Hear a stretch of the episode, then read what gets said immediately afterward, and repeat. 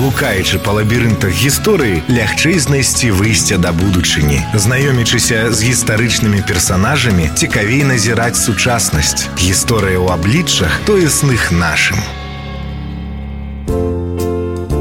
Ён быў бясстрашным сокалам, ваенным лётчыкам выпрабавальнікам першага класа, генерал-маёр авіяцыі, герой Савецкага саюза. І ўсё гэта пра нашага земляка. Пётр Михайлович Стэфановскі нарадзіўся на хутары пакроўка, жыхары якога ў 1939 года былі пераселены ў вёску Шыркавічы, што не так уж і далёка ад Слагорска. Залішан быў у рады чырвонай арміі з 1925 года. У 1927 годзе скончыў ленінградскую ваенную тэорію тэарэтычную, а ў 1928 качынскую ваенную авіяцыйную школу лётчыкаў. Працаваў лётчыкам інструктарам, затым лётчыкам і прабавальнікам. Падчас вялікай адчынай вайны быў прызначаны камандзірам 402 знішчальнага авіяцыйнага палка. За першыя тры дні ўдзелу ў баявых дзеяннях полк Пятра Стэфановскага збіў 12 самалётаў праціўніка, не страціўшы ні аднаго свайго самалёта. Пасля заканчэння вайны практычна жыў у самалётах, правёў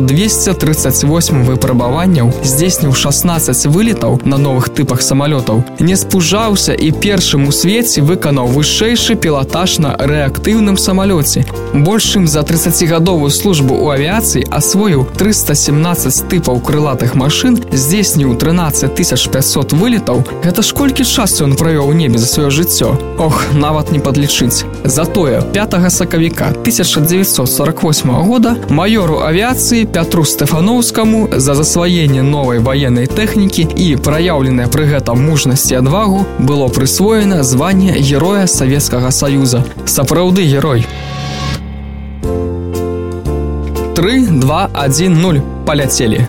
Эх, на жаль, наша краіна не належыць далеку касмічных дзяржаў, аднак магла ею стаць, бо яе сыны зрабілі адчувальны ўнёсак у развіццё касманаўтыкі. І адзін з іх Казімир Семянович. Яшчэ з маленства Казіміра рыхтавалі да вайсковай службы. Талентавіты да навукі хлопец паступае ў віленскую акадэмію, пасля сканчэння якой яго бяруць на службу ў артылерыю. Навука пра гарматы настолькі зацікавіла Семяновича, што яго заўважыў сам вялікі князь літоўскі і кароль польскі Уладзіслав Уладзіслаў чацвёрты ваза. Так Казімір атрымаў магчымасць вучыцца артылерыйскаму майстэрству ў Галандыі. Дзяржаве, што ў той час славілася магутным войскам і ці не налепшай у Еўропе артылерыяй, пашанцавала. У 1646 годзе Казімір Семянович вяртаецца дадому на заклік караля, які плануе вайну супраць асманаў і згадвае яму стварыць адмысловыя артылерыйскія войскі, запрашаючы для гэтага спецыялістаў з Еўропы. Спачатку Семянович становіцца інжынерам кароннай артылерыі, а праз два гады намеснікам начальніка ўсёй каралеўскай артылерыі. У чыне генерал-лейтенанта ён удзельнічаў у вайне з казакамі, а ў мірны час забаўляўся як мог, любіў запусціць пару-тройку ракет,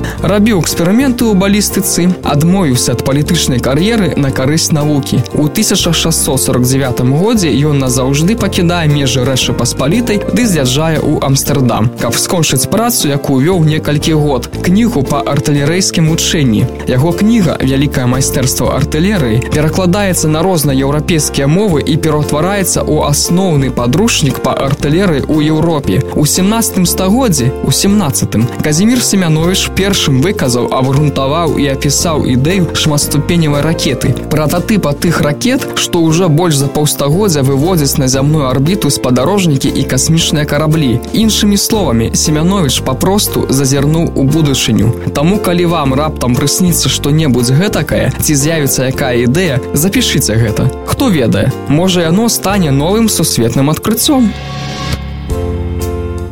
Ягоная гісторыя выбіваецца шэрагу іншых лёсаў. Маркс, не Карл, а наш міхал, для якога беларуская зямля была не проста месцам нараджэння і бестурботнага дзяцінства, а месцам, дзе ён уступіў у дарослае жыццё і сфармаваўся як асоба. Воляй лёсу чалавека, які стаў адным з айцоў гандлёвай індустрыі, сімвалам брытанскай імперыі, а на радзіме быў забыты. Трэба ж неяк гэта выпраўляць. Міхал Маркс з'явіўся на свет у слонямі ў яўрэйскай сям'і, як і многія іншыя супляменнікі займаўся дробным гандлем аднак у талерантнай расійскай імперыі пракацілася хваля антыяўрэйскіх пагромаў. Хоць на тэрыторыі беларусі такіх пагромаў не было аднак расійскі ўрад прымае часовыя правілы якія забаранялі яўрэям сяліцца ў сельскай мясцовасці і ўводзілі іншыя абмежаванні эканамічнага кшталту. Усё гэта спрычынілася да хвалі эміграцыі на захад. Міхал маркс у 1882 годзе прыбыў на брытанскія астравы атабайваўся у ліце дзе завёў знаёмства з уладальнікам гандлёвага склада ісакам дзюхастам. Энергічны слонімец не размаўляў па-ангельску не меў знаёмых і грошай. Аднак востры розум бізнесовая жылка і слонімскі досвід працы каровачнікам дапамаглі яму убачыць тое што самі брытанцы не звярталі увагі ён дамовіўся з юхастам ды стаў закупляць яго дробныя тавары каб распаўсюджваць іх у абдзеленых увагай буйных гандляроў вёсках заходняга йоркшыру. Тавары хутка раскупляліся маркс атрымаў усё новыя замовы і ў яго з'явіліся пастаянныя кліенты справы пайшлі так добра што ў хуткім часе дазвалялі марксу адчыніць уласныя гандлёвыя шапікі на адкрытым рынку у ліці і яшчэ дзвюх гарадах разам з тым ён арандаваў кропку на новым ліцкім рынку. На ўсе тавары міхал маркс выставіў одну цану один пені. Аб чым і сведчыла аб'ява якая увасобіла ў сябе новую эру ў развіцці рэкламы. Не пытайцеся пра цану ўсё за пені. Сёння немагчыма уявіць крамаў без этыкетак з цаной тавара на вітрынах. Наш слонімец быў першым хто дадумаўся да гэтага. Праз некалькі год ён валодаў ужо цэлым шэрагам шапікаў у графствах сёршыр і ланкашыр. Міхалу які ўжо паспеў стаць майклам гэтага было недастаткова. У 1894 годзе ён вырашае што для дайнейшага росту бізнесу яму патрэбен кампаньён ды звяртаецца да тома спенсера. У 1897 годзе маркс і спенсер збудавалі ў манчестеры новы гандлёвы склад цэнтр бізнес імперыі якая ўжо тады мела 36 крам у адным лондоне іх было ажно 7 у 1903 годзе маркс энд спенсер стала акцыянернай кампаніяй з абмежаванай адказнасцю. Цягам 20 стагоддзя маркс энд спенсер стала адной з найбуйнейшых у еўропе кампаній па продажы адзення. І ўсё гэта зрабіў наш выбітны бізнесоўца зямляк які нарадзіўся ды пражыў на слонімскай зямлі 20 год. Дзе ў самім слонімі пра яго не нагадвае нічога пытлівы гісторык дзяніс рунец знаёміць вас з найбольш цікавымі гістарычнымі асобамі Ён не ведаў ні адной ноты, а музыцы вучыўся ў бацькі, простага вясковага музыкі. Але гэта не перашкодзіла яму выконваць на вядомых еўрапейскіх сцэнах варыяцыі на тэмы з опер, беларускія, украінскія, рускія і яўрэйскія народныя песні і танцы. А значэнне геніяльны ў адносінах да яго ніколькі не перабольшанае, бо ім былі скораны Польша, Германія, Аўстрыя, Францыя, Галандыя. Пра яго геніяльнасць пісалі ліст Мэндельсон, ліпінскі і шлезенгер. Ён настолькі быў адданы музыцы, што і сышоў прыйшоў з гэтага свету прыгожа і з музыкай. На сцэне з інструментам у руках. Ды хто жа ён? А ім быў раджэнец шклова. Міхал іосиф гузікаў. На пачатку 19 стагоддзя яго бедны тата флітыст іосиф гузікаў зарабляў граннем на вяселлях і пагулянках у наваколі у гэтым яму дапамагаў міхал. Публіка адразу звярнула увагу на талент маладога музыкі. Але ў 1831 годзе ён захварэў на сухоты і яму давялося адмовіцца ад кар'еры выканаўца на духавых інструментах. Тое што звычайна звычайна становіцца нагоды наракаць на лёс было для міхала гузікава штуршком да творчай перабудовы свайго жыцця. Гузік пачаў гуляць на народным інструменце які насіў назву саламяны гармонік і сур'ёзна яго удасканаліў стварыўшы па сутнасці сучасную мадэль чатырохраднага ксілафона з аб'ёмам у дзве з паловай актавы краматычнага дыяпазона за тры гады гузікаў навучыўся віртуозна граць і набыў вялікую папулярнасць у шклоўскім наваколлі. Міхал граў для сялян і ў мясцовых вёсках і ў палацы графа зоры горача затым быў адэскі тэатр дзе ім апекаваўся князь міхал варанцоў а гасцямі варанцова былі сур'ёзныя тусоўшчыкі і знакамітасці з Еўропы і рассіі якія пасля і раілі міхалу адправіцца на гастролі ў заходнюю Еўропу. І міхал гузікаў адважыўся пусціцца ў шлях па еўрапейскіх дарогах. Варшава львоў кракаў прага. Музыка паступова робіцца зоркай вялікіх тэатральных сцэнаў а таксама грае ў каршмахі на плошчах. У 1836 годзе ён ужо знакаміты ў еўропе ксілафа сімфанізных гузікаў які прыязджае ў вену. Ім захапляўся князь клеменцы метрніх які зрабіў для яго выступ перад аўстрыйскім імператарам а пасля столькі нарабіў шуму ў грамадстве што ў венскіх крамах пачалі прадаваць яго партрэты. А жанчыны рабілі сабе прычоску гузікава. Яна і зараз модная. А гузіка ўжо ехаў на гастрольны тур у германію. Наперадзе быў яшчэ і лондон але ў музыкі абвастрылася хвароба і ён задумаўся пра вяртанне ў родны шклоў да сям'і. У 1837 годзе ён выправіўся ў Бельгію, каб даць канцэрт па шляху да радзімы. Але падчас выступлення ў Ахіне яму зрабілася кепска і неўзабаве музыка памёр на сцэне. А пахавалі яго на яўрэйскіх могілках у Ахіне, так і не даехаў дадому. І гэты чалавек Міхал Йосеф Гузікаў шасцінка нашай гісторыі. Так не будзем жа пра яе забываць, бо ёсць чым і кім ганарыцца.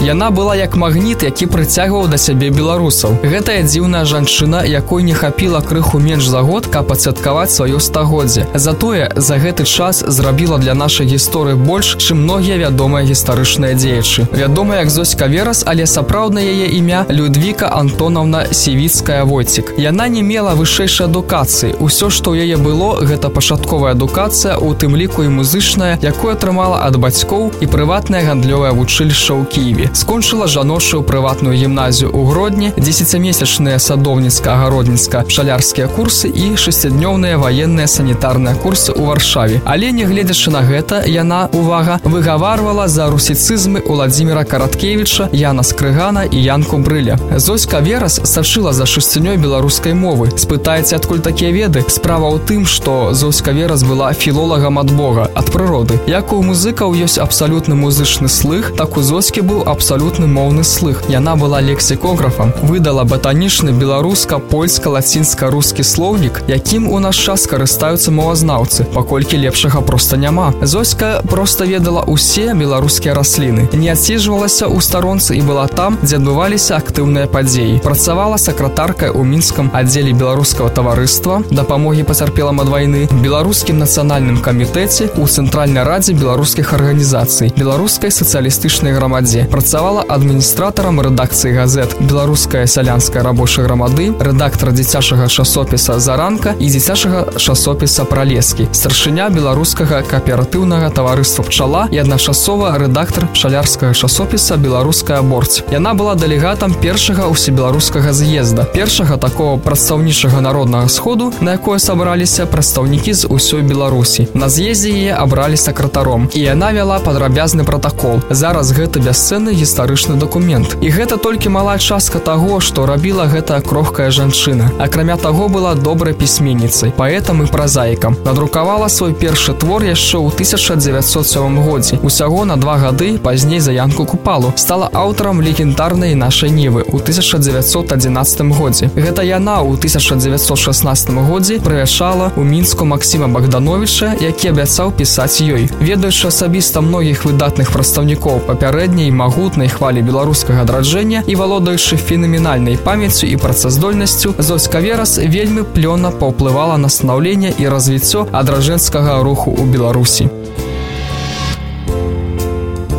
Яго імя лічыцца прыкладам шчырага і нязломнага патрыятызму, а сучаснікі лічылі яго не больш не менш як нацыянальным героем. Гэта Тадэуш Рэйтан, адметны палітычны дзеяч апошніх дзесяцігоддзяў існавання рэчы паспалітай. Адукацыю атрымаў у езуіцкім калегіуме, служыў у прыватным войску радзівілаў. Яшчэ ў юнацтве вызначаўся сваёй любоўю да вялікага княства літоўскага. Настолькі была моцная любоў да радзімы, што мог зарадзіць у вуха таму, хто апаганіў слаўнае імя радзімы, мог пастаяць за бацькаўшыну быў прынцыповы сваіх поглядаў ніколі не змяняў. Дайшло до таго што тадэуш калі быў у доме сваёй нарачонай у якую моцна закахаўся убачыў партрэт расійскага імператора пятра першага і адразу абвясціў пра намер адмовіцца ад шлюбу. Любоў да радзімы была вышэй нейкай там пані. Быў паслом ад наваградскага ваяводства на сойме 1773 года. А дэпутатаў патрабавалася аднагалосна прагаласаваць за законнасць першага падзела нашай радзімы паміж аўстрыя прусе і рассіяй лісвін патрыёта Тадэуш Рэйтан разам з наваградцам самойлам корсакам і мільчанінам станіславам багушевіча мінькоўскім мужна супрастаяў гэтаму. Чатыры дні Рэйтан разам з аднадумцамі зрывалі пачатак сойму праз патрабаванне выканаць закон. Пасяджэнне паводле чаргі мусла праходзіць у гродні а не ў аршаве а маршалкам яго мусіў быць прадстаўнік вялікага княства літоўскага а не паляк. Прарасійскі настроеныя паслы хацелі адгаварыць рэйтана але ён сам мог іх пераканаць у адваротным. Тады яму былі прапанаваныя грошы ў 2000 злотых вялікія грошы на той час. Але рэйтан сказаў што дасць 5000 злотых каб яны набылі розуму. Вяліся нават спробы замаху на яго жыццё. Альбо Бог альбо радзіма не дапусцілі гэтага. Калі ўсё ўжо было вырашана і падзел зацвердзілі на законнай падставе паслы паспрабавалі выйсці залы то тады ў шрэйтан лёг перад выхадам парваў на грудзі адзення і закрычаў забіце мяне затапчыце але не забівайце бацькаўшчыны за такі перформанс канфедэрацкі суд пагражаў рэйтану крымінальным пакараннем і канфіскацыяй маёнтку але рэйтан не саступіў сваім прынцыпам і поглядам. І першага снежня 1773 года ён склаў маніфест дзе канстатаваў нелегітымнасць канфедэрацыі і трактатаў пра падзел рэчы паспалітай. Але ўжо было позна. Пакінуты і знавераны тада ў шрэйтан цяжка захварэў. Памёр у сваім маёнтку грушаўка ў 1780 годзе. Эх паболей бы такіх рэйтанаў было да глядзі краіны захавалі бы тады ведаць мінулае карысна. Ганарыцца гісторыяй неабходна. Размаўляць народнай мове лёгка. Быць беларусам проста